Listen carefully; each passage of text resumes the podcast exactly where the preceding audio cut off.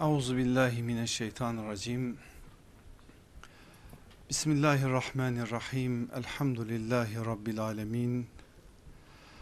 Ves salatu vesselamu ala rasulina Muhammedin ve ala alihi ve ashabihi ecmaîn. Kıymetli kardeşlerim, miladi olarak 27 Aralık tarihindeyiz.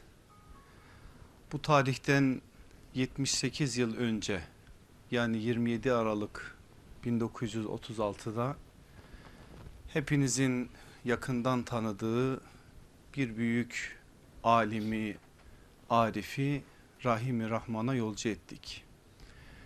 İstedim ki onunla başlayayım. Yad olsun adı, ruhuna bir Fatiha gönderirsin inşallah.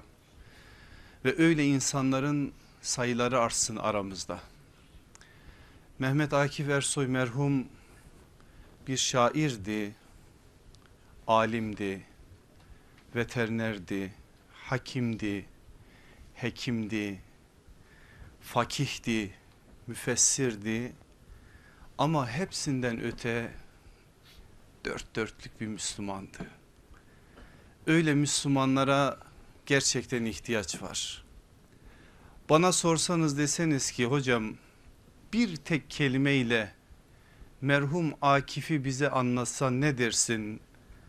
İnanın hiç düşünmeden onun adının karşısına yazacağım kavram kelime izzet olur. Onun hayatında izzet o kadar güzel anlatılır ki sözle değil hayatla anlatılır. Ve bir Müslümana izzet ne kadar yakışır, ne kadar bir Müslümanda güzel durur o kavram onun hayatında bunu çok iyi görürsünüz. Ben ezelden beri hür yaşadım, hür yaşarım. Hangi çılgın bana zincir vuracakmış şaşarım dizeleri aslında bir müminin izzetle olan alakasını yansıtır.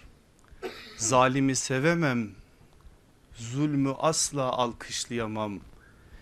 Gelenin keyfi için kalkıp geçmişime sövemem diyen de odur.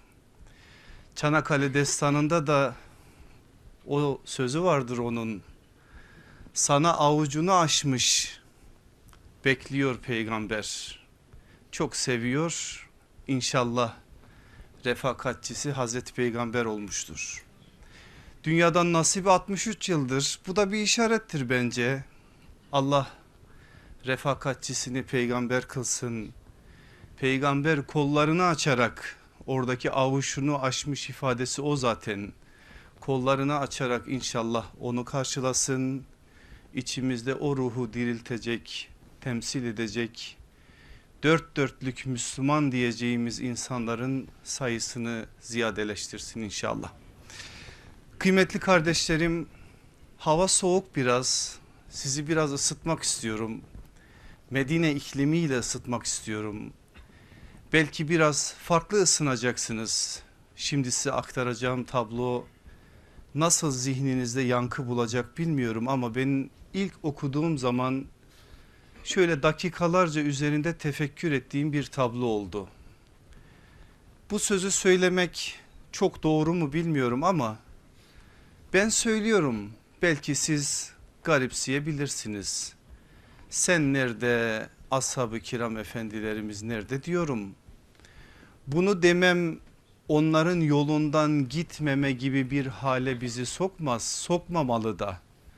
Aslında hedefimizin, menzilimizin ne kadar büyük olduğunu, ne kadar ali bir noktada durduğunu bize gösterir.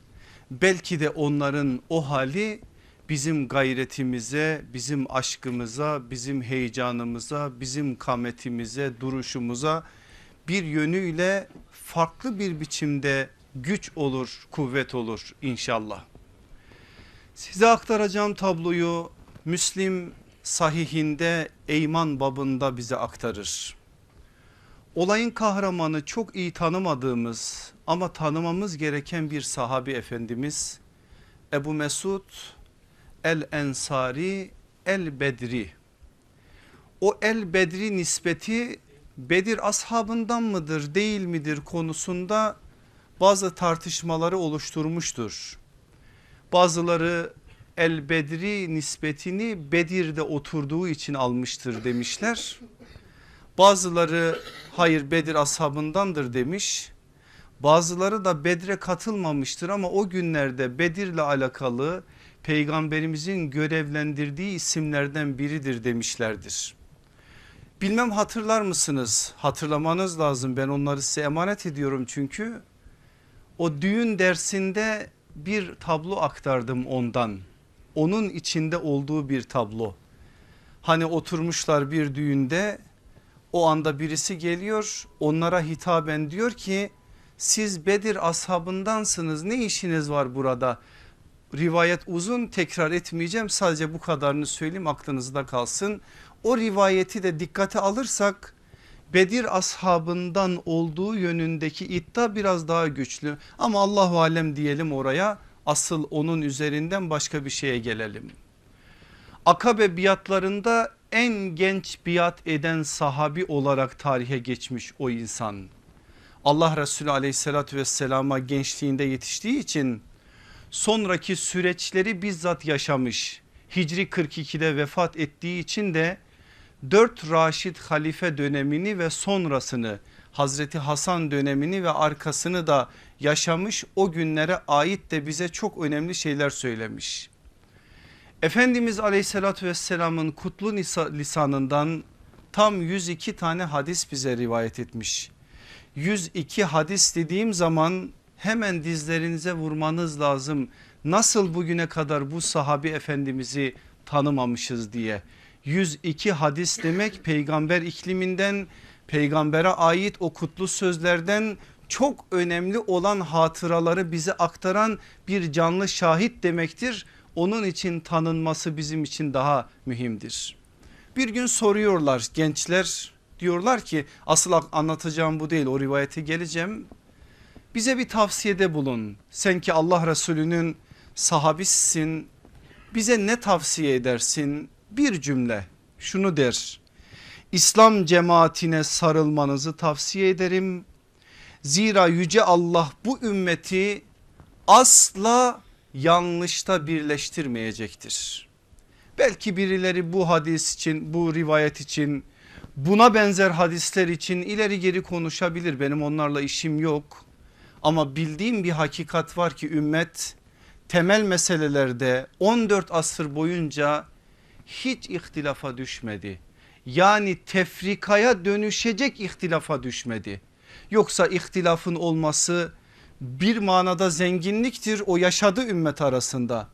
Ama temel caddede temel meselelerde gerçekten ümmet siyasal anlamda en diplere vurduğu zamanlarda bile bir vahdet halinde oldu.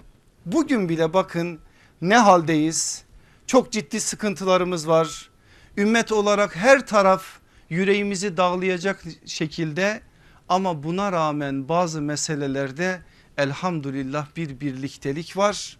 Ümmetin ortak bir sesi var. Kıyamete kadar da bu olacak. İşte Ebu Mesud ona dikkat çekiyor. Şimdi kendisinin işin içinde olduğu bir tabloyu kendisi aktarıyor bize. Diyor ki bir tane kölem vardı beni acayip derecede kızdırmıştı. Ben de artık dayanamadım aldım sopayı Bismillah dedim adama giriştim. Öyle kızmışım öyle sinirlenmişim ki o anda arkamdan birisi bağırıyor. Ebu Mesud Ebu Mesud hiç dönüp bakmıyorum sesin sahibi kim? Biraz sonra o sesin sahibi biraz daha bana yaklaşınca sesin sahibinin Allah Resulü aleyhissalatü vesselam olduğunu anladım. O anda döner dönmez Efendimiz'e hiçbir şey söylemedim. Allah Resulü aleyhissalatü vesselam dedi ki Ebu Mesud bilesin ki senin bu köleye gücünün yettiğinden çok daha fazla Allah'ın gücü sana yeter. O anda sopayı elimden bıraktım ve sözüm şu oldu. Ya Resulallah o köleyi azat ettim. Allah Resulü aleyhissalatü vesselam da sadece tebessüm etti. Şimdi benim aziz kardeşlerim olayı biraz anlayalım ki meseleden istifade edelim. Siz olun ben olayım sevdiğimiz birisi bizi öyle bir ortamda yakalasa çocuğumuzu dövüyoruz işçimizi dövüyoruz öyle bir ortamda yakalasa kaç tanemiz bu tavrı gösterir kendisini hiçbir baskı altında tutmadan nefsini sorgulayarak bir yere konumlandırsın. Yoksa şunu mu yaparız çoğumuz e, bizi suçüstü yakaladı ne yapmamız lazım? Bir kere kendimizi haklı göstermek için niye onu dövdüğümüze dair bir şeyler anlatmamız lazım. Yani en azından bir kamuoyu oluşturmamız lazım. Ha beni öyle yakaladın ama ben şunun için bana çok büyük bir suç işledi. O suçtan dolayı ben onu dövdüm falan filan diyerek bir şekliyle onun yanında kendimizi haklı gösterecek şeyler dizmemiz lazım. Ama bahsettiğimiz şahıs sahabidir. Radiyallahu anhum ecmain duasına mazhar olanlardan biridir. Allah Resulü aleyhissalatü vesselam onu kınamadı sadece bir durum söyledi. Senin ona gücün yetiyor ama bil ki Allah'ın gücü senden daha fazla sana yeter. Senin ona gücünden daha fazla gücü sana yeter diye uyarıyor.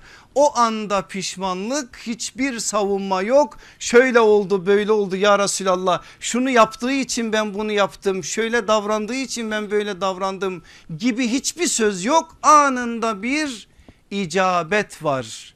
Anında peygamberin sesine karşı bir teslimiyet var. Sahabeyi sahabe yapan en önemli vasfı konuşuyoruz. Hatayı savunmak yok. Meseleyi ambalajlamak yok. Meseleyi farklı bir biçimde sunmak yok. Nefsini yüreğini farklı şeylere teskin etmek yok. Peygamber bir şey söyledi adım onun bir adım gerisinde olmalı. Ses her zaman onun sesinin altında olmalı. Ses onun sesi olmalı. Seda onun sedası olmalı. Onun için ondan duyulan bir şeye karşılık da sadakallah ve sadaka Resulullah demeli. İşte bunun örneğini görüyoruz Ebu Mesud'un hayatından ve bu tablosundan. Allah bu hayatı hayatlarımıza tabi kılsın inşallah. Zor meseleler konuşacağız. Bugün belki biraz ama bundan sonraki derslerde mesela bir çok eşlilik meselesini konuşacağız. Allah'ın ayette yazdığı bir meseleyi konuşacağız. 14 asır sonra gelmiş modern dünyanın içerisinde bu meseleyi konuşmak kolay değil. Bunları bir şekliyle bu zemin üzerinden konuşmamız anlamamız gerekiyor ki belli şeyler iyice bizim aklımızda yüreğimizde zihnimizde otursun ve belli şeyler bizim içimizde şüpheye değil gerçekten bir imana gerçekten bir tasdike yol açsın. İşte Ebu Mesud'un bu örnekliği bugünkü dersinde bundan sonraki ders derslerinde inşallah zemin olsun. Kıymetli kardeşlerim dersimizin başlığı Nebevi Medrese'den ideal eş olmanın örneklikleri. Nebevi medrese dediğimiz zaman geniş manada Medine'nin tamamı ama özel manada Peygamber sallallahu aleyhi ve sellemin mescidi, mescidinin hemen arkasındaki Suffa Mektebi, mescidinin hemen yanı başında zaman içerisinde sayıyı 9'a varmış olan hücre-i saadet dediğimiz Efendimizin hanımlarıyla beraber kaldığı evleri odaları. O odalar o haneler öyle güzel öyle kutsi öyle saadetli ki gerçekten evet ufak bugün hiçbirimizin kalamayacağı bir saat bile içinde duramayacağı şekilde ama Kur'an'a konu olmuş evler. Öyle evler ki o evlerde sahabe yetişmiş o evlerde ne alimler ne alimeler ne fakihler ne fakiheler yetişmiş. O evde bir medeniyetin temelleri atılmış. Bugün 14 asra ulaşmış o İslam medeniyeti. Ama işin bidayetinden bugüne kadar o medeniyetin çocukları hangi medeniyetin karşısına geçmişlerse Firavun'un medeniyetinin mi Sasanilerin Pers medeniyeti mi? Yoksa El Cezire'de olan Rum medeniyeti mi Roma medeniyeti mi? Yemen'de olan ve binlerce seneye dayanan Yemen medeniyeti mi? Hangi medeniyet olursa olsun üzerlerinde yamalı cübbeleri ellerinde paslı kılıçlar olmalarına rağmen bir büyük özgüvenle kendilerine değil değerlerine karşı özgüvenle onların karşısında konuşabilecek onları ikna edecek onların zihin dünyalarına soru işaretleri çakacak bırakacak bir duruş ortaya koydular. Eğer böyle bir kamet varsa o kametin altında Mescid-i Nebevi var. O kametin altında Suffa Mektebi var. O kametin altında analarımızın odaları var. O odalar peygamberin muallim olduğu odalar. Eğer peygamber sallallahu aleyhi ve sellem o odaların birindeyse muallim Efendimiz sallallahu aleyhi ve sellem'dir. Efendimiz o odadan çıktığı andan itibaren muallime anamızdır. Dikkat buyurun. Eğer peygamberimiz o odadaysa muallim peygamberimiz talibe anamız. Ama Efendimiz o odadan çıkar çıkmaz muallime anamız talibeler ise Medine'nin diğer sakinleri hatta talipler hatta tullab öyle de kullanalım çünkü erkekler de var. Mesela Ayşe anamız demek Esma binti Yezid gibi bir büyük kametin muallimesi demek. O, o odanın o evin talibesi o. Meymune anamız demek Esma binti Ümeys demek. Ümmü Seleme anamız demek kızıdır ama aslında bir talibesidir. Zeynep binti Ebi Seleme demek. Peki sadece analarımız kadınlara kızlara mı öğretmenlik muallimlik yaptılar? Hayır. Hepinizin bildiği o Abdullahlar var ya o başlarımızın tacı olan Abdullahlar o abadileler onların üç tanesi peygamber evinin talipleridir. Abdullah İbni Zübeyir Ayşe anamızın anamız onun teyzesi o eve destursuz girer çıkar her zaman için anamızın yanındadır anamızdan aldığını almıştır ve bize ulaştırmıştır. İbni Abbas Abdullah İbni Abbas Meymune anamızın talebesi o da onun teyzesi o da oradan almıştır. Bir de Hafsa anamız var onun da kardeşidir Abdullah İbni Ömer ablasından aldığını bize aktarmıştır. Bu örnekler çoğaltılabilir. İşte peygamber sallallahu aleyhi ve sellemin o odaları o haneleri Kur'an'a da konu olmuş bir mesele olarak karşımızda duruyor. Ve üzülerek bir şey söyleyeyim. Allah ayette Ahzab suresinin 6. ayetinde En nebiyyü evla bil mu'minine min enfusihim ve ezvacuhu ummuhatuhum dedi. İkinci cümle bizim için önemli.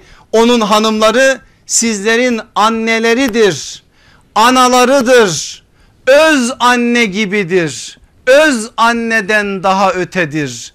Öz anne nerede duruyorsa onlar daha daha daha ötededir.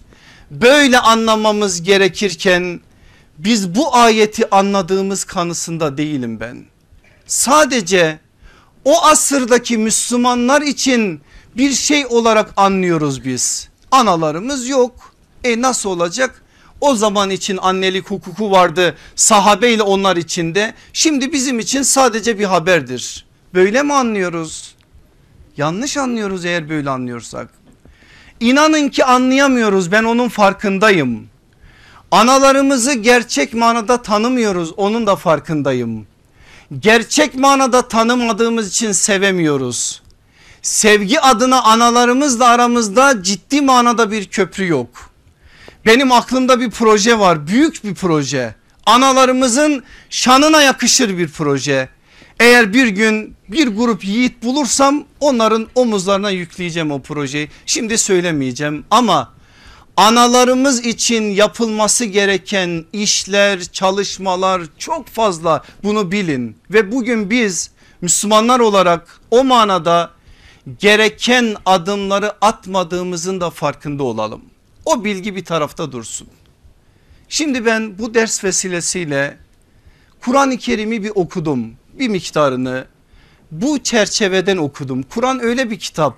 Hangi nazarla okursanız size o manada bilgiler veriyor. İnanın Kur'an-ı Kerim'de Allah Resulü aleyhissalatü vesselamın aile hayatıyla alakalı inanılmaz bir malumat var. İnanılmaz. Bu özel olarak o konuyla alakalı. Bakın ben şunu söylemiyorum. Kur'an'da aile hukukuyla alakalı inanılmaz bir ayet manzumesi var. Aile hukukunun içine daldığınız zaman evlilik meselesi, nikah meselesi, boşanma meselesi, eşler arası hukuk bunlar var. Yine aile hukuku çerçevesinde değerlendireceğimiz sılay rahim akrabalık hukuku var. Çocuklarla ebeveyn arasındaki hukuka ait onlarca ayet var. Yine aile hukukunun bir meselesi olan süt kardeşliği, süt akrabalığı var, kardeşlik akdi var, evlatlık meselesi var. Bunlar var ve bu ayetlerin toplamı yüzü aşkındır. Ben bunu söylemiyorum. Bunlarla asıl meselemiz bu olmadığı için bunları söylemiyorum. Direkt peygamber sallallahu aleyhi ve sellemin aile hayatı. Bilmiyorum ben ulaşamadım eğer ulaşan kardeşim varsa beni haberdar etsin. Böyle bir başlık altında bir çalışma da yok. Yani Kur'an'a göre Resulullah sallallahu aleyhi ve sellemin aile hayatı diye özgün bir çalışma yok. Ama beş tane süre direkt bununla alakadardır. Hucurat suresi, Ahsap suresi, Nur suresi, Tahrim suresi, Talak suresi. Beş tane süre bizatihi peygamber sallallahu aleyhi ve sellemin aile hayatını bize anlatıyor. Hem de çok farklı veçelerle. Biraz iştahlarını kabartayım özellikle genç alim adaylarının bir de hanımlar var biliyorsunuz. Özellikle hanımların konusu aslında bu. İnşallah içlerinden biri çıkar ve bu konu üzerinde ciddi biraz gayret gösterir de en azından daha farklı bir biçimde istifade ederiz. Bu beş tane sürede Hucurat süresinde adeta peygamberin hücreleri tasvir edilir. İnanın elimizde hiçbir rivayet olmasa ki mesela Semhudi'nin vefaul vefası bize görüyormuşçasına bir tasvir verir peygamberin mescidini ve efendimizin kaldığı o haneleri. Diyelim ki bu rivayetler hiç elimizde yok. Hucurat suresini o nazarla okuduğunuz zaman aleyhissalatü vesselam efendimizin nasıl evlerde odalarda kaldığını bir şekliyle zihninizde canlandırabiliyorsunuz. Geriye kalan dört sürenin beş ana konusu var. Dikkat buyurun aziz kardeşlerim. Hazreti Peygamber'in eşleriyle olan hukuku. İkincisi eşlerin Hazreti Peygamberle olan hukuku. Üçüncüsü Müslümanların analarımız ile annelerimiz ile olan olması gereken hukuku. Dördüncüsü Müslümanların özel olarak o hanelerle olması gereken hukuku. Beşincisi ise boşanma hukukudur. Bu beş süreden Hucurat süresini çık çıkardığımızda geriye kalan dört sürenin beş tane ana konusu var ve bunlar ayetlerde çok detaylı bir biçimde bizim nazarımıza aktarılır. Ne diyorum asıl dilimin altında bir bakla saklıyorum onu söyleyeceğim. Bunu onları onu söylemek için bir zemin olarak hazırlıyorum. Nedir biliyor musunuz mesele? Peygamber sallallahu aleyhi ve sellemin evinde ne varsa Kur'an'a ayet olarak giriyor. Analarımız korkusundan kıllarını kıpırtatamıyorlar. Bazen Efendimiz sallallahu aleyhi ve sellem Ayşe anamızla şöyle aralarında tatlı bir sıkıntı oluştuğu zaman mesela bir sırrı var Ayşe anamızın Efendimiz ona şöyle takılıyor. Ayşe söylüyor musun onu yoksa Cebrail gelsin söylesin mi? Öyledir böyle bir evden bahsediyoruz. Yani Cebrail'in haber getirdiği bir ev. Allah aşkına meseleyi yine kendimiz dahil olarak anlamaya çalışalım. Hanginiz istersiniz evinizin sırrı başkalarının diline düşsün? Akıllı anne ve babalarsak eğer sırlarımızı çocuklarımızın bile duymasını istemeyiz. Akılsızsak ona diyecek bir şeyim yok. Ama akıllıysak eğer çocuklarımızın yanında bile o tartışmaların, o kavgaların, o gürültülerin olmasını istemeyiz. Ama ben size bir evden bahsediyorum. Bu ev peygamberin evi. O evde ne varsa Kur'an'a ayet olarak giriyor.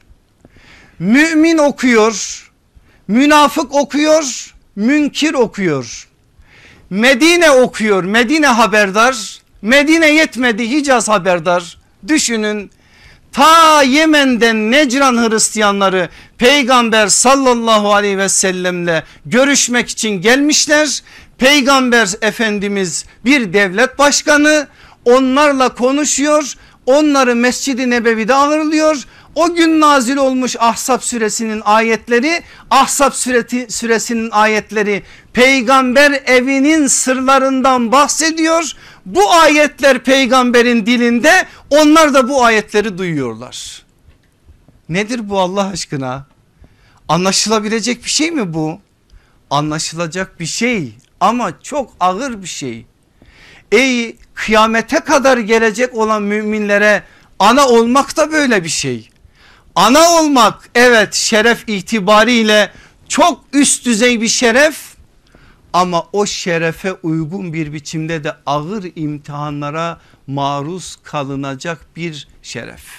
Bu ikisi her zaman beraberce yürüyor. Biz işte peygamber evinden bahsettiğimiz zaman analarımızdan bahsettiğimiz zaman böyle bahsederiz. Gelin bir anamızı üzerinden peygamber sallallahu aleyhi ve sellemin nasıl ideal bir eş olduğunu kadın erkek herkese ama özellikle erkeklere ideal eş olmanın yollarına dair neler söylediklerini bir anlayalım. Size hangi annemizi anlatacağım biliyor musunuz? Binti Ebiha desem Hazreti Fatma diyeceksiniz. Hazreti Fatma değil Binti Ebiha asr saadette birkaç annemiz için kullanılır. O tabirlerden bir tanesi babasının kızı tam babasının kızı gibi diye Ayşe anamızın da ifade ettiği Hafsa anamızdır. İstiyorum ki örneği ondan vereyim. Çünkü onun üzerinden bu söylediklerimin de örneklendirilmesi olacak. Hazreti Hatice ile alakalı anamız ile alakalı örnekleri geçen medrese dersinde verdim. Ayşe anamızla alakalı da birkaç tane örnek verdim.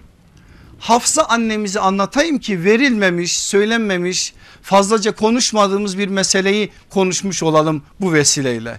Hazreti Ömer'in kızı Hazreti Hafsa'nın üzerinden o mesajları alalım. Doğum tarihi miladi 604 ya da 605 yani Ayşe annemizle Hazreti Fatma ile aşağı yukarı yaşıt. O doğduğu zaman Hazreti Ömer 20-21 yaşlarında. Hazreti Ömer Müslüman olduğu zaman 10-11 yaşlarında. Müslüman olduktan sonra Hazreti Hafsa annemiz halası Fatma binti Hattab'ın yanında talebedir. Onun yanına gider o ev özel bir evdir biliyorsunuz. Hazreti Ömer'in de Müslüman olmasına vesile olan evdir. O evde halasının yanında bazı şeyleri öğrenir. 16-17 yaşlarına gelince aynen babası gibi heybetlidir. Çok da güzeldir öyle vasfedilir. Talipleri çoğalır. Babası Hazreti Ömer İslam tarihinde adı olan bilinen bir isim olan Huneys İbni Huzafe Es-Sehmiye onu verir. Ve böylece Mekke'deyken daha evlenirler. Huneys İbni Huzafe'yi pek fazla biz tanımayız erken vefat ettiği için ama onun abisi Abdullah İbni Huzafe peygamber sallallahu aleyhi ve sellemin elçilik görevini üstlendiği için bu manada da peygamberimizle çok önemli hatıraları olduğu için onu daha fazla biliriz. Çok mutlu bir evlilikleri olur. İman adına bedeller öderler. Sıkıntılar yaşanır Mekke'de ve işin neticesinde babayla beraber Yesrib'e Medine'ye hicret etmek için yola çıkarlar. Bazı tarihi kaynaklar bize Hazreti Ömer'in hicret ederken 20'ye yakın insanın yanında olduğunu söyler. Hazreti Ömer diğer Müslümanlar gibi davranmamıştır. Hicret edeceğini Kabe'de ilan etmiştir. Mesela hicretinden önce çekmiştir kılıcını Mekkelilere Kureyşlere şunu söylemiştir. Ey Kureyş cemaati ben yarın Yesrib'e gidiyorum. Her kim anasını çocuksuz kadınını dul bırakmak istiyorsa düşsün peşime. Meydan okuyarak gitmiştir. Hazreti Ömer'in o hicret yolculuğu Abdullah İbni Mesud'un diline de düşmüş bir meseledir. Onun hicreti bile zaferdi demiştir Abdullah İbni Mesud Hazreti Ömer için. Böyle bir meydan okumayla yola çıktığı zaman o ailede yani Hafsa anamız da kocası da Başkaları da Said İbni Zeyd'de Fatma binti Hattab'da bazı zayıf Müslümanlar da o kafilenin içerisindedir. Varırlar Medine'ye yerleşirler bir yere Allah Resulü aleyhissalatü vesselam mescidi inşa ettikten sonra Ensar muhacir kardeşliğini yaparken Harise oğullarından Ebu Abs İbni Cebir isimli zata Ensari Müslümana Huneys'i kardeş kılar. Böylece o iki aile birbirinin kardeşi olurlar. İkisi iki aile arasında da çok güzel bir muhabbet oluşur. Günler böyle geçerken hicretin ikinci yılı Bedir yılıdır.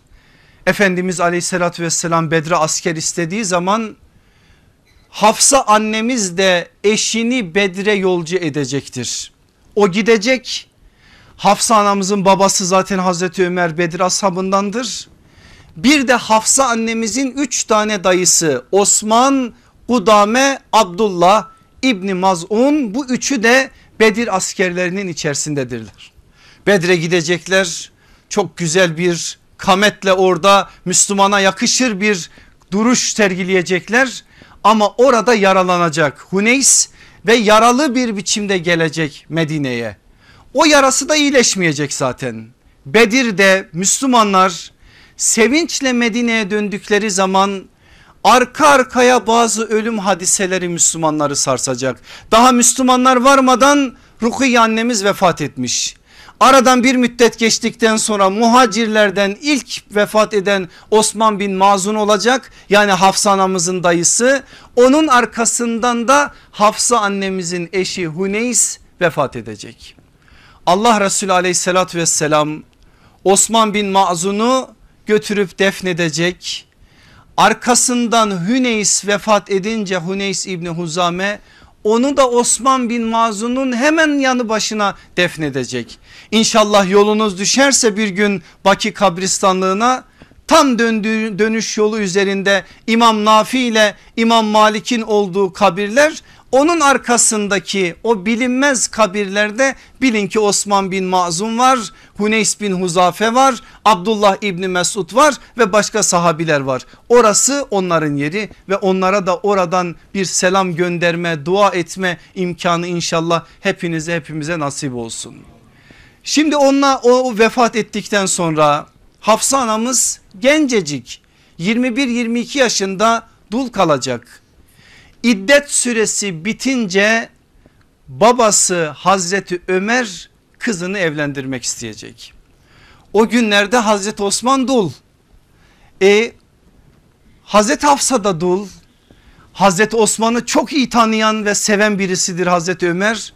Varacak Hazreti Osman'ın yanına ve ona bir teklifte bulunacak kız babalarının teklifine ait bir şeyleri okumuştuk. Önceki derslerde söylemiştik. Osman diyecek eşim vefat etti biliyorsun Hafsa'nın da eşi vefat etti.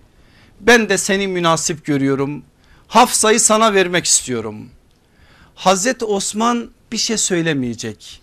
Bana bir müddet müsaade eder misin düşünmek için diyecek. Hazreti Ömer kızacak ama bir şey de söylemeyecek. Şimdi teklif ondan gitmiş karşılık böyle bana biraz düşünme fırsatı ver. İster istemez bir kız babası olarak üzülmüştür kızmıştır da ama bir şey demiyor. Neden Hazreti Osman kabul etmedi meselesi bizim kaynaklarımızda biraz irdelenince çok net bir şey olmasa da bir yerden bir ipucu buluyoruz. Hafsa anamız çok sert birisidir aynen babası gibi. Bunu bilir Hazreti Osman. Hazreti Osman'ın da nasıl biri olduğunu biliyoruz. ben onunla edemem diyor. Onun için bir şey de söylemiyor sadece süreye bırakıyor. Birkaç gün bekliyor bakıyor ki bir şey yok üç gün sonra bir daha soruyor. Hazreti Osman'ın cevabı ben şimdi evlenmeyi düşünmüyorum. İyi bir kızar Hazreti Ömer gider Hazreti Ebu Bekir'e ve aynı teklifi Hazreti Ebu Bekir'e yapar. Hazreti Ebu Bekir'in cevabı ne evettir ne hayırdır. İyice sinirlenir Hazreti Ömer o sinirle Allah Resulü'nün yanındadır.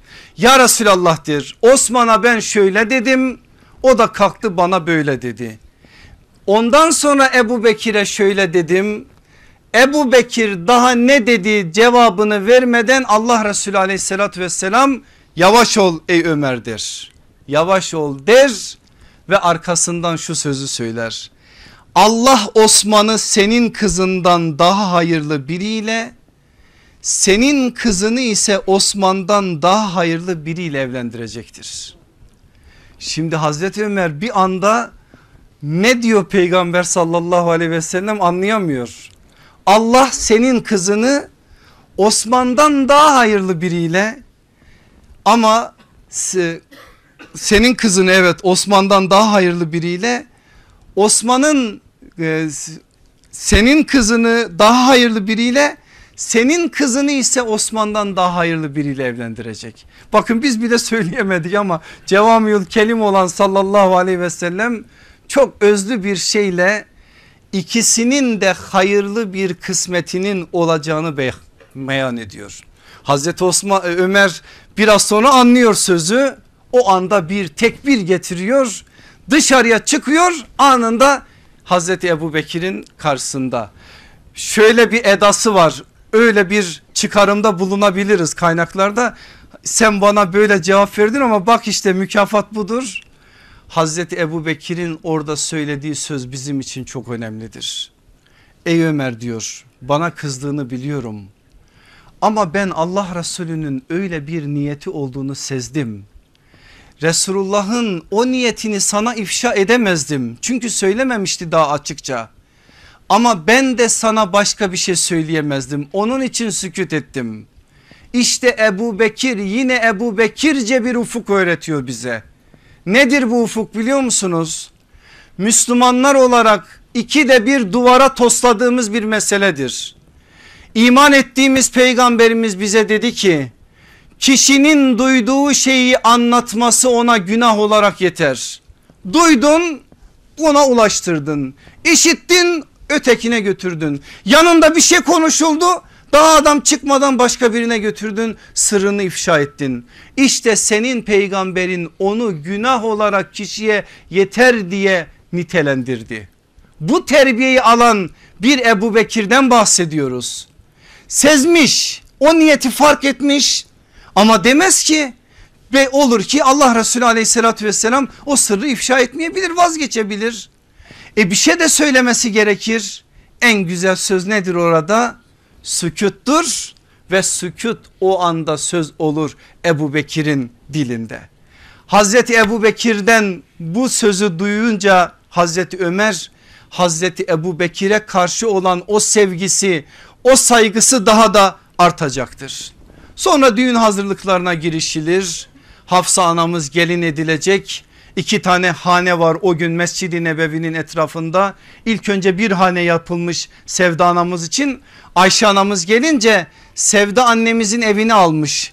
Yeni ev Sevda anamız olmuş. Çünkü mescide bitişik olan ev Ayşe anamızda olmalı. Sonra üçüncü gelin gelecek. Üçüncü sultan Hafsa anamız hemen arkasına bir oda yapılacak. Hafsa annemiz de oraya gelecek.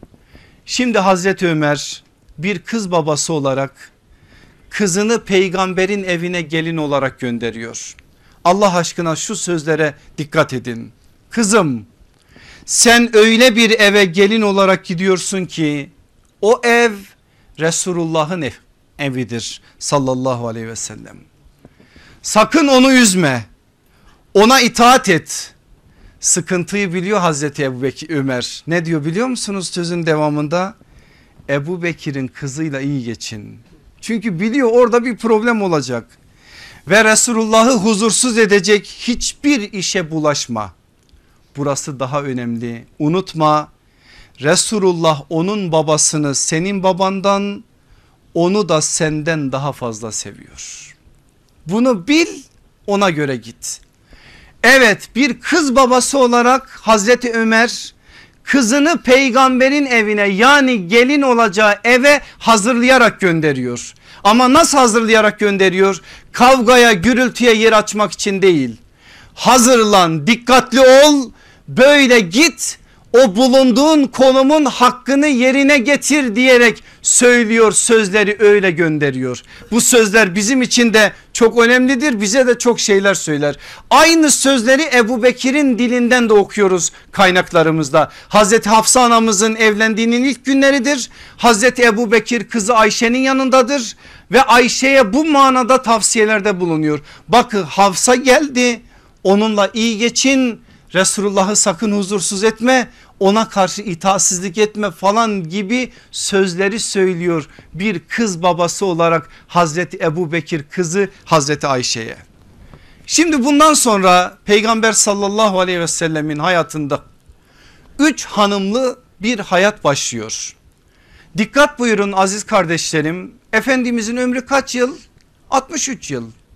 25 yılı bekar Geriye kalan ömrü evli olarak geçiriyor sallallahu aleyhi ve sellem. Yani Efendimizin 36 yıllık bir evlilik hayatı var. Bu 36 yıllık, yıllık evlilik hayatının 25 yılı tek eşlidir. Sadece Hatice anamızdır yastığında. Hatice anamız da 15 yıl nübüvvetten önce 10 yıl nübüvvetli günlerde 25 yıllık bir hayatı var.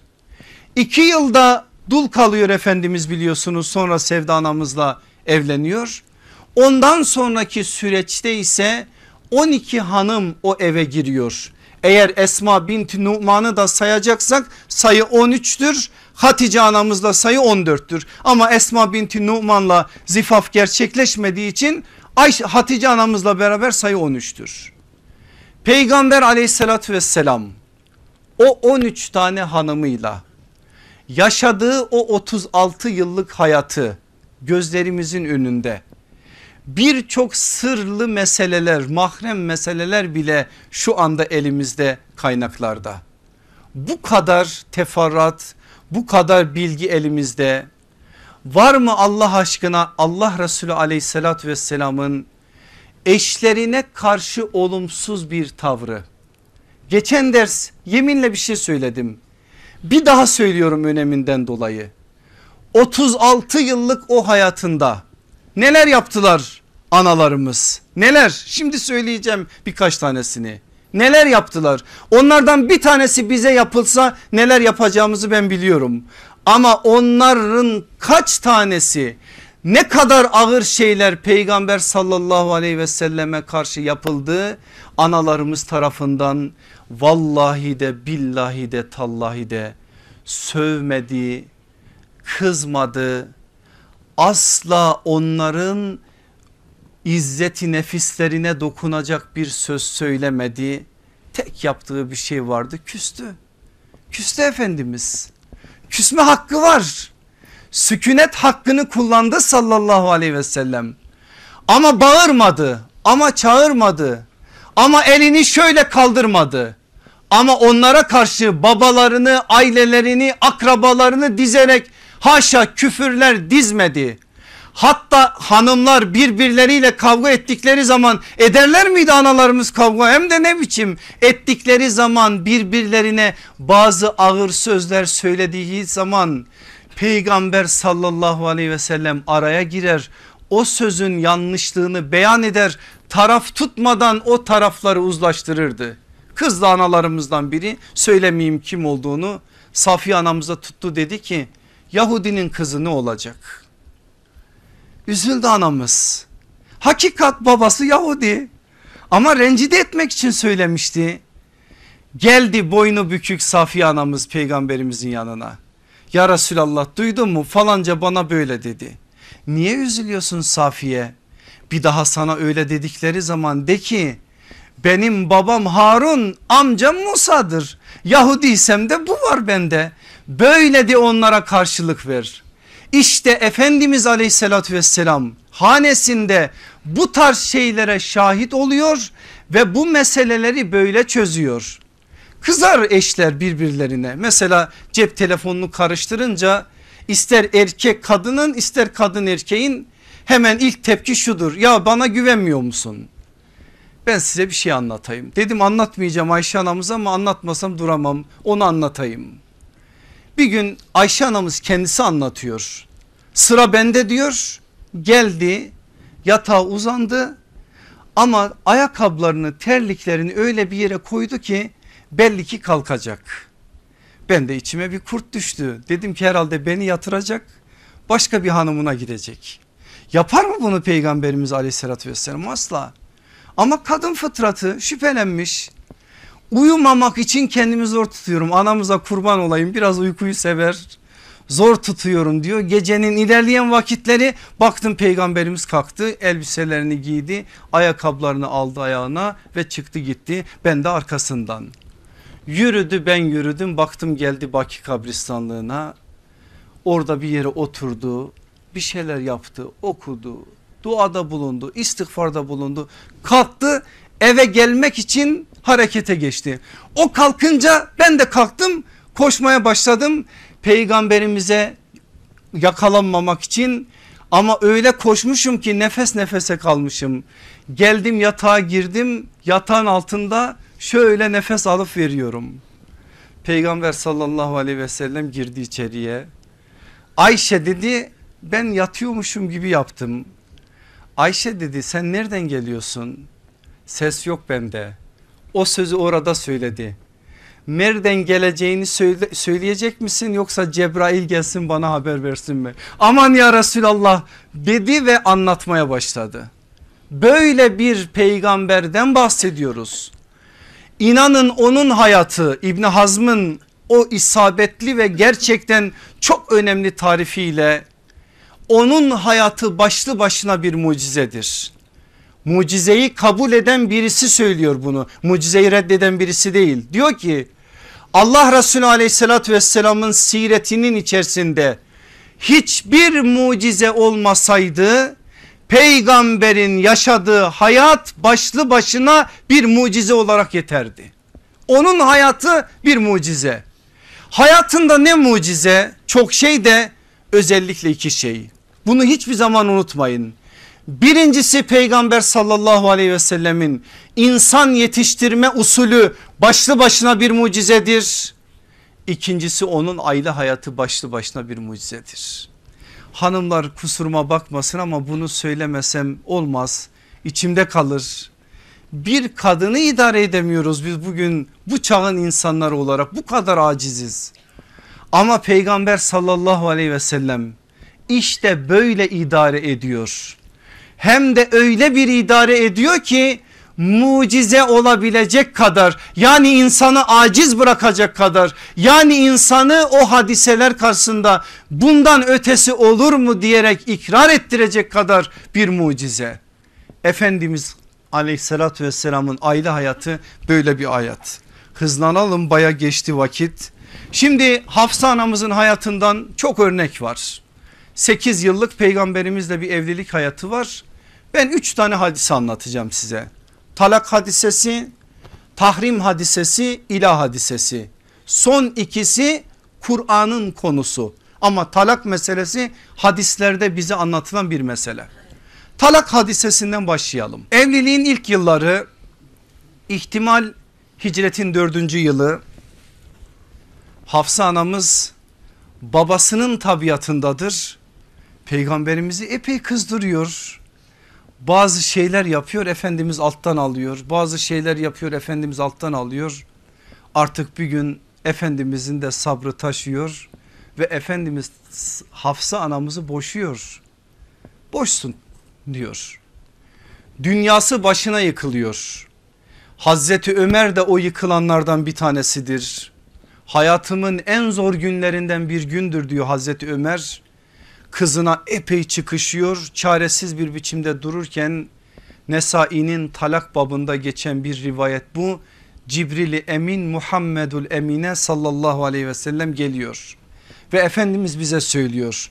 Cebrail bana geldi ve dedi ki Hafsa çok oruç tutan ve namaz kılan bir hanımdır ve cennette de senin eşindir. Ne demiş oldu Cebrail? Al bir daha geri cennette de senin eşindir.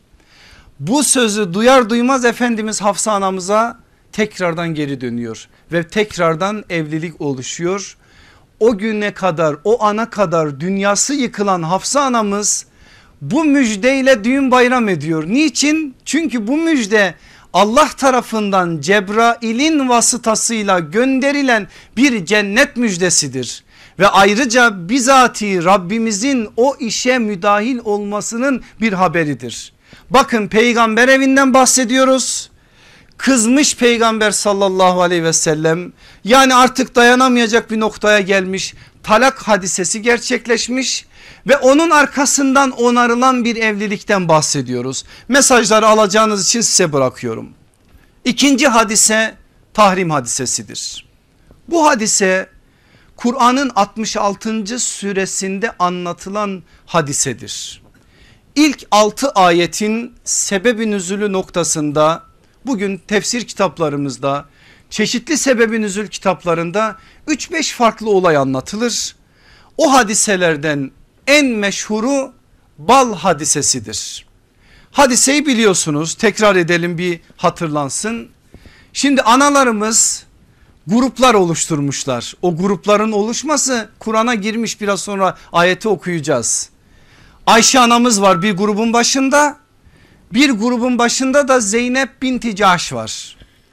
Ümmü Seleme anamız ortada. Hiçbir zaman yanaşmaz Ayşe anamıza Ümmü Seleme anamız. Ümmü Seleme anamız çoğu zaman Zeynep binti Caş'la beraberdir. Ama bazen o da grup başıdır. O da üçüncü bir grup oluşur. Böylece üç grup oluşur peygamber evinde. Ama genelde bir tarafta Hazreti Ayşe bir tarafta Zeynep binti Caş'tır. İkisi de soyca dirayetçe ilimce birbirlerine yakın isimlerdir. Onun için aralarındaki o çekişme devam eder ve peygamber evinde böyle bir durum oluşur. Zeynep binti Caş'ın akrabaları güzel bir bal gönderiyorlar ona. O da biliyor peygamberimiz balı sever. Güzel bir bal şerbeti yapıyor. Efendimiz aleyhissalatü vesselam onun odasına gelince ona ikram ediyor. Şimdi peygamber sallallahu aleyhi ve sellem bir haneye geldiği zaman ister mi o hanenin sakinleri peygamber çıksın o haneden? Anamızın aklına kurban olalım o da öyledir. Biraz oyalanır ikramda vakti uzatmak için. Efendimiz'e sorar ister misin bal şerbeti? Efendimiz isterimdir. Başlar uzatmaya o vakti ne kadar peygamberimizi orada tutarsam.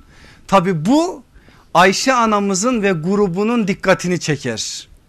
Anında anamız der ki peygamberimiz Zeynep'e daha fazla meyletti. Gelin bir iş yapalım bir plan kuralım ne yapalım? Peygamberimiz kötü kokuyu hiç sevmez Şimdi Zeynep'in odasından çıkıp bize geldiği zaman hepimizin söz birliği şu olsun. Şöyle koklar gibi yapalım. Ya Resulallah diyelim megafir mi yedin? Megafir o bölgede bilinen bir bitki bir ağacın bitkisi çok kötü bir kokusu var. Peygamberimiz de hayatta onu yemez onunla alakalı şeylere de yaklaşmaz. Çünkü Efendimizin güzel kokuya karşı hassasiyetini biliyorsunuz. Böyle diyelim Peygamberimiz de diyecek ki yemedim. O zaman diyelim ona soralım bakın plan en ince detayına kadar yapılır. Peki ne yedin ya Resulallah? Diyecektir ki bal şerbeti yedim. O zaman biz de diyelim ki herhalde o bal şerbetinin balını yapan arılar o bitkiden yemişler onun için bala sirayet etmiş o koku sana da o koku öyle geçmiş. Tamam mı? Tamam Hafsa anamız söz birliğinin içerisinde Ayşe anamız var bir iki annemiz daha var. Efendimiz Zeynep validemizin evinde o kokuyu o bal şerbetini içiyor. Dışarıya çıktığı zaman hangi annemizin yanına gitse anamız onu söylüyor. Hangi annemizin yanına gitse anamız onu söylüyor. Bunun üzerine sallallahu aleyhi ve sellem güzel kokuya olan hassasiyetinden dolayı haram olsun bana bir daha yemeyeceğim diyor. Ve ayet bunun üzerine iniyor. Tahrim suresinin ilk ayeti ey peygamber eşlerinin rızasını gözeterek Allah'ın sana helal kıldığı şeyi niçin kendine haram ediyorsun? Allah çok bağışlayan ve çok esirgeyendir diye uyarılır. Meseleden tabi Efendimiz sallallahu aleyhi ve sellem haberdar olur. Tahrim meselesinde bir mesele daha anlatılır. İlerleyen ayetlerde onu da okuyoruz. Orada da ihtilaflar var. Efendimiz aleyhissalatü vesselam bir sır vermiştir Hafsa anamıza. Bu sır nedir? Bazı zayıf rivayetlere göre Maria annemiz ile alakalı bir sırdır. Bazı rivayetlere göre kendinden sonra halifenin kim olacağına dair habere ait bir rivayettir. Başka rivayetlerde başka şeyler de var ama acizane benim kanaatim şu o sır sırdır bilmiyoruz. Nasıl ki o sır sır olarak verildi o sır sır olarak da saklandı. Çünkü annelerimiz söylemiyor onu ifşa etmedikleri için biz de bilmiyoruz tahmini bazı şeyler çıkarabiliyoruz. Efendimiz Hafsa anamıza o sırrı verince Ayşe anamız Hafsa annemizde bir şey olduğunu anladı. Alttan girdi üstten girdi o sırrı ondan aldı. Alınca ifşa oldu. Efendimiz aleyhissalatü vesselam haberdar olduğu o meseleden onun üzerine de dördüncü ayet nazil oldu. Bakın o ayette de ne söylüyor? Peygamber evindeki sultanlar analarımız Kur'an'da nasıl vasfediliyor? O gruplaşma nasıl anlatılıyor? Bu ayet üzerinden öğreniyoruz. Eğer ikiniz de Allah'a tevbe ederseniz yerinde olur. İbn Abbas soruyor kim bu ikiniz? Ayşe anamız cevap veriyor. Ben de Hafsa diyor. Sır olarak bir şey mahremiyet ama Kur'an'a ayet olarak girmiş. Eğer ikiniz de Allah'a tevbe ederseniz yerinde olur. Çünkü kalpleriniz kaymıştı. Ve eğer peygambere karşı birbirinize destek olursanız o gruplaşmadan bahsediyor. Bakın devamı nasıl gelecek ayetin. Bilesiniz ki onun dostu ve yardımcısı Allah, Cebrail ve müminlerin iyileridir. Bunların ardından melekler de ona yardımcıdırlar. Yani siz evde grup oluşturmuşsunuz öyle mi peygambere karşı? Bakın Allah ne diyor size? Allah da müminlerde müminlerin iyileri de Cebrail de ve melekler de onun arkasındadır. Baş edebilir misiniz? Şimdi bu ayetleri duyunca analarımızın ruh halleri nasıl olur bilmem anlayabiliyor muyuz? Anlayabileceğimiz yani bir şekliyle birazını belki hissedebiliriz ama tam anlamıyla anlayabileceğimiz bir hadis olmadı her halinden belli. Annelerimiz bu ayetler üzerinden terbiye olunuyor. Üçüncü hadise ilah hadisesidir. İlah yemin demektir. Zıharla arasındaki fark şu. Zıhar ebediyen hanımı kendisine haram kılma. Sen bana anamın sırtı gibisin dedi. O kadın başkasıyla da evlenemez o evde oturur. Ondan sonra da hayatı zindan olur. Ama ilah şu zamana kadar yaklaşmama yeminidir. Peygamber aleyhissalatü vesselamı da yine kızdırmış analarımız. Bazı dünyalık taleplerde bulunmuşlar. Tarihler o günün hicretin 9. yılı olduğu söylenir. Medine'nin en zengin senesi geliyor Huneyn'den o biçim ganimetler. Efendimiz aleyhissalatü vesselam da herkese dağıtıyor. Ganimetin beşte biri peygamberimizin beşte birlik kısmını kendi evine kendi hanesine ayırmak, ayırması gerekecek. Ayırmak durumunda ama Efendimiz yapmıyor. E analarımız da bir beşer ister istemez bir talepte bulunuyorlar. Ya Resulallah diyorlar niye falancalarda filancalarda şu bu var da bizde yok. Efendimiz onları biraz farklı bir biçimde uyarıyor ama analarımız durmuyorlar. Yine bir gruplaşma var özellikle Hazreti Ayşe ile Hazreti Hafsa söz birliği etmişler ve peygamberimizden bu sefer dünyalık adına bazı şeyler alacağız diye sözlerini birleştirmişler ve Efendimizden iki de bir talepte bulunuyorlar. Artık bir noktaya geliyor sallallahu aleyhi ve sellem ilah yapıyor bir ay evine gitmeme kararı alıyor. Mescid-i Nebevi'nin yanı başında bir çadır kurduruyor. O çadıra çekiliyor İnsanlar da zannediyorlar ki peygamberimiz eşlerini boşamış. Bukhari'de, Müslim'de onlarca hadis kitabında geçen bir rivayeti bizzat Hazreti Ömer anlatıyor bize. Diyor ki ben o günlerde Avali denilen mıntıkada oturuyordum. Ensar bir komşum vardı. Bukhari'deki rivayette isim yok ancak anlattığı bir şeyden biz kim olduğunu çıkarabiliyoruz. İhtimal Hazreti Ömer'in Ensar kardeşi Itban bin Malik bir gün o gidiyor Mescid-i Nebevi'ye bir gün ben gidiyorum. O gittiği zaman şahit olduğu ayetleri ve Allah Resulü aleyhissalatü vesselamın sözlerini aynen Bukhari'de rivayet böyledir bizim için çok önemli. Kur'an ve gayruhu Kur'an ve Kur'an dışında yani Kur'an ve sünnet ona ait şeyleri duyduğu zaman alıyor getiriyor bana anlatıyor. Ben gittiğim zaman şahit olduğum şeyleri getirip ona anlatıyorum. Gecenin ilerleyen bir vakti baktım kapım çalındı. Çok böyle dehşet bir halde korktum ve anında kapıyı açar açmaz karşımda ensar komşumu görünce ne oldu dedim. Gassaniler mi Medine'ye saldırdı? Çünkü o günlerde öyle bir hadise konuşuluyor. Gassaniler büyük bir ordu hazırlamış Medine'ye saldıracak.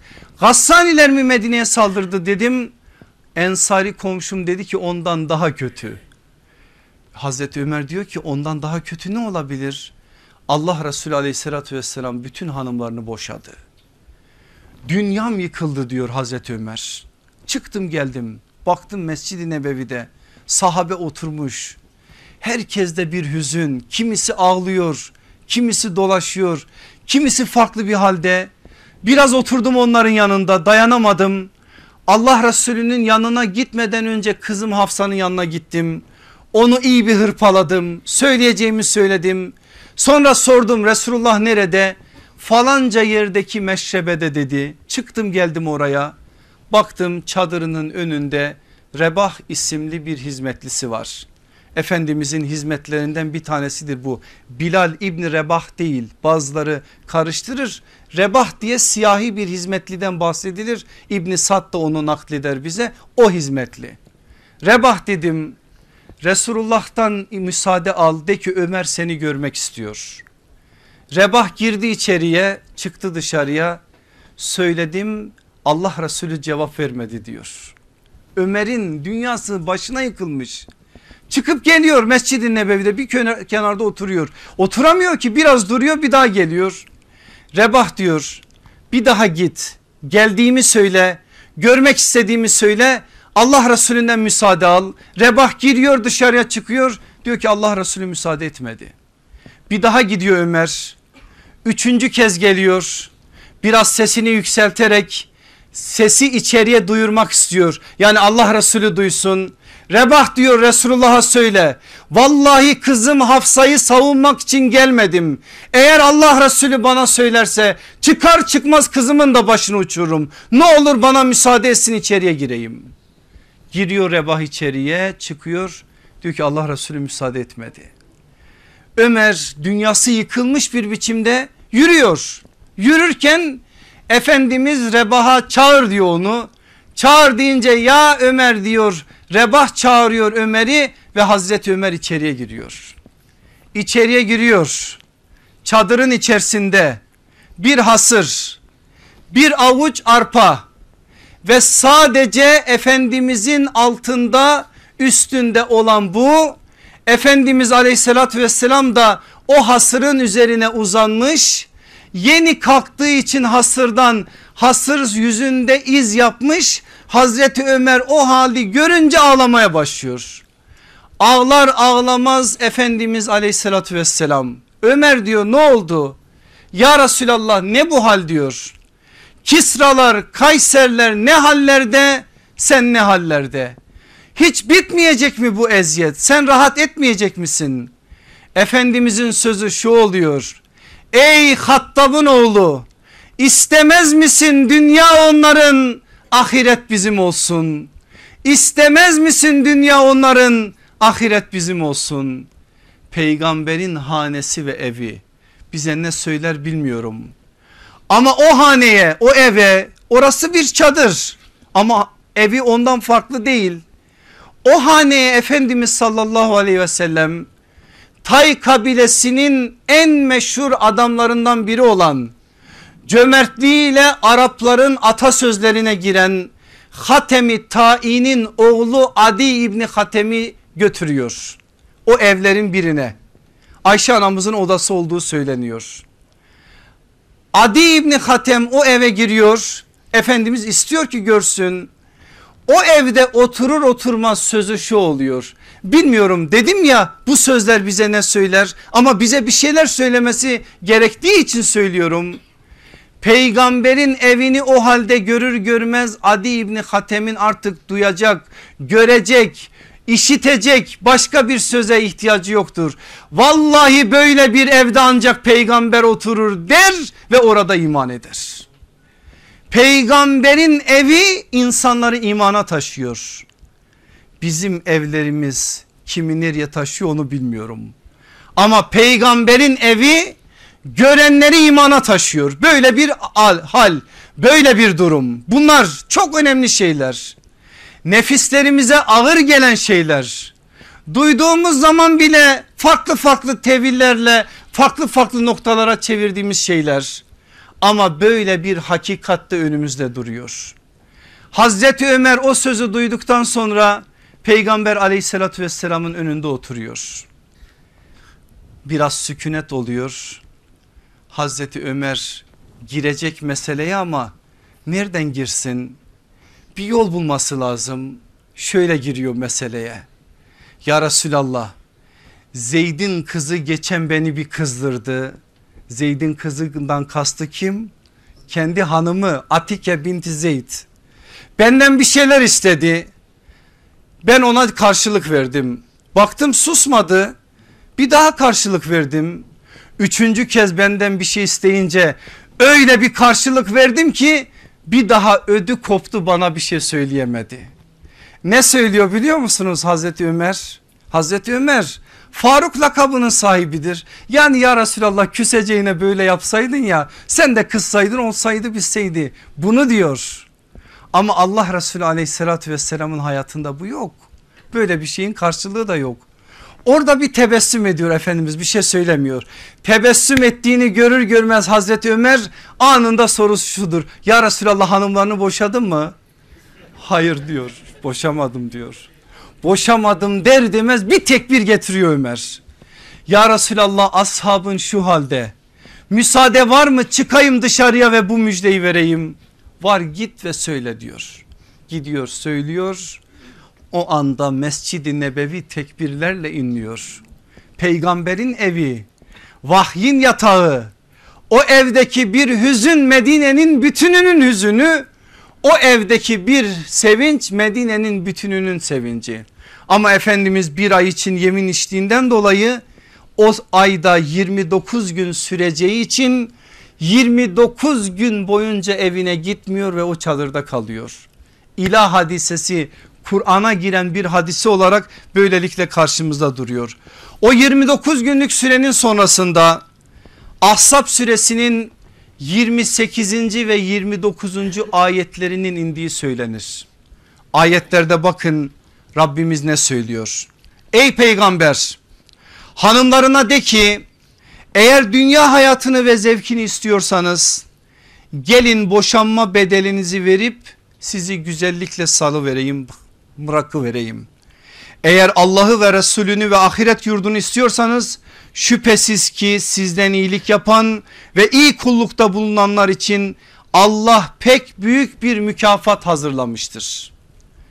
Rivayetlerde aktarılan şu hadise bu olay ve bu ayetler Ayşe anamızın odasında peygamberimize nazil oldu.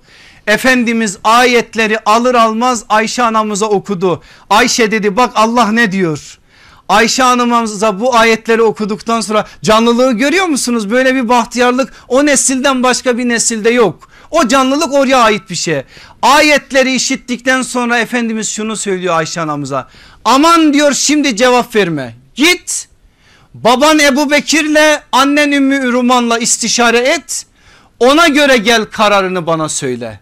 Ayşe anamız o anda gadaplanıyor. Ya Resulallah diyor Böyle bir şey için ben babamdan anamdan müsaade mi alacağım? Vallahi ben Allah'ı Resulünü ve ahiret yurdunu tercih ediyorum. Var git diyor bu ayetleri diğer kadınlara da oku. Bakın Ayşe anamız kumadır ama hakkaniyetten asla vazgeçmeyen birisidir. Sözü şudur. Ya Resulallah vallahi bütün hanımların benimle aynı şeyi söyleyecekler. Da çok önemli bir şey. Bütün hanımların benimle aynı şeyi söyleyecekler. Yani senin yerini tercih edecekler. Ayetler terbiye ediyor. Ayetler bir noktadan alıyor bir noktaya vardırıyor. Nasıl terbiye oldular size söyleyeyim mi? Ömür yaşadılar peygamberden sonra neler gördüler neler geçirdiler. Bedir'in atiyeleri dağıtıldı divan teşkilatında o atiyelere mukabil Hazreti Ömer onların adlarını da yazmış onlara da ciddi paylar ayırmıştı o paylar da geldi. O günlere ait bir tablo aktarılıyor kaynaklarımızda. Ayşe anamız bir yerde sofra kuruluyor ve sofraya davet ediliyor anamız. Sofraya oturuyor şöyle bir bakıyor ve ağlamaya başlıyor. Soruyor evin sahibi ne oldu ana diyor niye ağlıyorsun? Allah Resulü aleyhissalatü vesselam bir sofrada vallahi üç kabı hiç görmedi. Bunu dedi ve ağlamaya başladı. Bunu dedikten sonra da artık kimse o sofraya yaklaşamadı.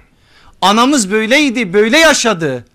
Ayetlerden aldığını aldı hayatının ondan sonrasını öyle tanzim etti. Hafsa anamız da öyleydi. En uzun yaşayan Ümmü Seleme anamızdır. Kerbela'yı da görmüştür. Hicri 61'de vefat etmiştir. Ümmü Seleme anamız da öyleydi. Allah hepsinden ebeden razı olsun. Biz onlara evlat olmaya layık mıyız bilmiyorum ama bizi onlara evlat olarak kabul etsin inşallah.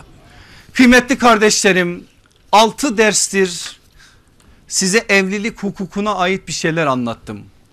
Artık bu derste birlikte nihayeti erdireyim ki başka konulara geçelim. Önemli mesajlar verdiğimi zannediyorum. Evet belki de her boyutuyla konuşamadık. Önemli bir meseleydi ama bilinmesi gereken en önemli şeyleri verdim. 6 dersliğin bu derste dahil en temel 12 tane mesajını size vermek istiyorum. Ama ne olur en başta Ebu Mesud'un yaptığı gibi yapın. Hanımlar da aynı şekilde yani üzerimizi almak üzere yani evlerimizi ilişkilerimizi eşler arası hukukumuzu bu meselede bu mesele çerçevesinde bu mesajlar çerçevesinde inşa etmek üzere. İdeal bir eş nasıl olur? Nasıl evliliklerimizi ideal bir noktaya taşıyabiliriz? Bu manada hepimize işaret olsun. Bir, el alemin değil alemlerin Rabbinin mesajlarına kulak verin. Birinci mesaj budur. El alemin değil alemlerin Rabbinin mesajlarına kulak verin. İki adaveti değil muhabbeti azık olarak edinin. Adavet ne? Düşmanlık. Düşmanlığın olduğu yerde rahmet olmaz. Evet balayı bitti şimdi başka bir ay başladı.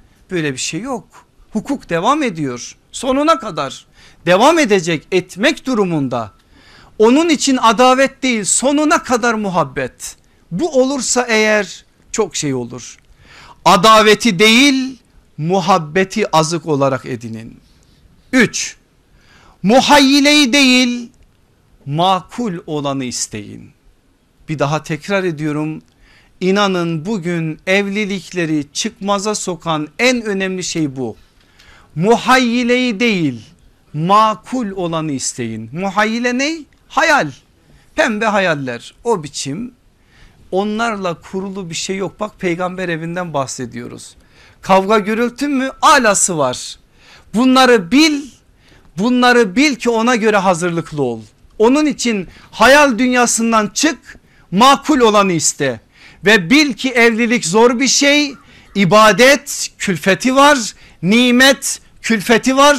Bu manada bu külfeti taşıma adına gayret içerisinde ol. Dört menfaati değil merhameti esas alın. menfaati değil merhameti esas alın. Bu manada da çok şey söylenir. Siz altını dolduracağınız için ben bir şey söylemiyorum. 5. Şüpheyi değil emniyeti tesis edin. Şüpheyi değil emniyeti tesis edin.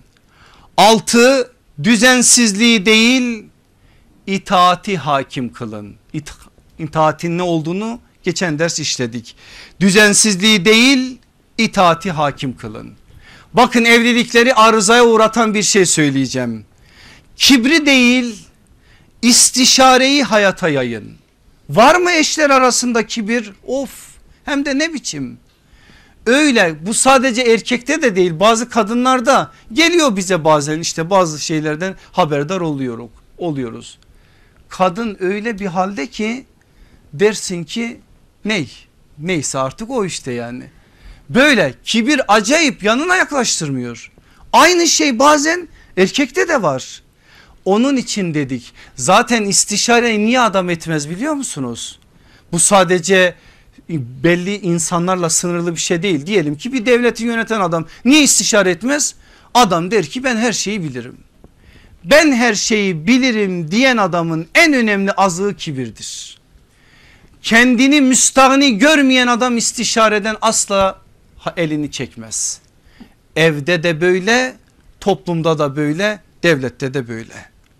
Nankörlüğü değil, vefayı kalplerinize yerleştirin. Bir daha söylüyorum. Nankörlüğü değil, vefayı kalplerinize yerleştirin. Vefayı öğrenmek istiyorsan Allah Resulü aleyhissalatü vesselamın Hatice anamızın vefatından sonra yaşadığı süre zarfında Hatice anamız için yaptıklarını şöyle bir okursun o zaman anlarsın. O zaman anlarsın işte sana çocuk doğurmuş emek vermiş ama sonra Allah sana ikram etmiş mal mülk sahibi olmuşsun. İlk iş ne? Hanımı değiştirmek. Onun nereye konumlandıracağını o zaman anlarsın. O zaman anlarsın vefanın ne olduğunu. O zaman anlarsın birçok şeyin ne olur kusuruma bakmayın temperverlikten geçmediğini.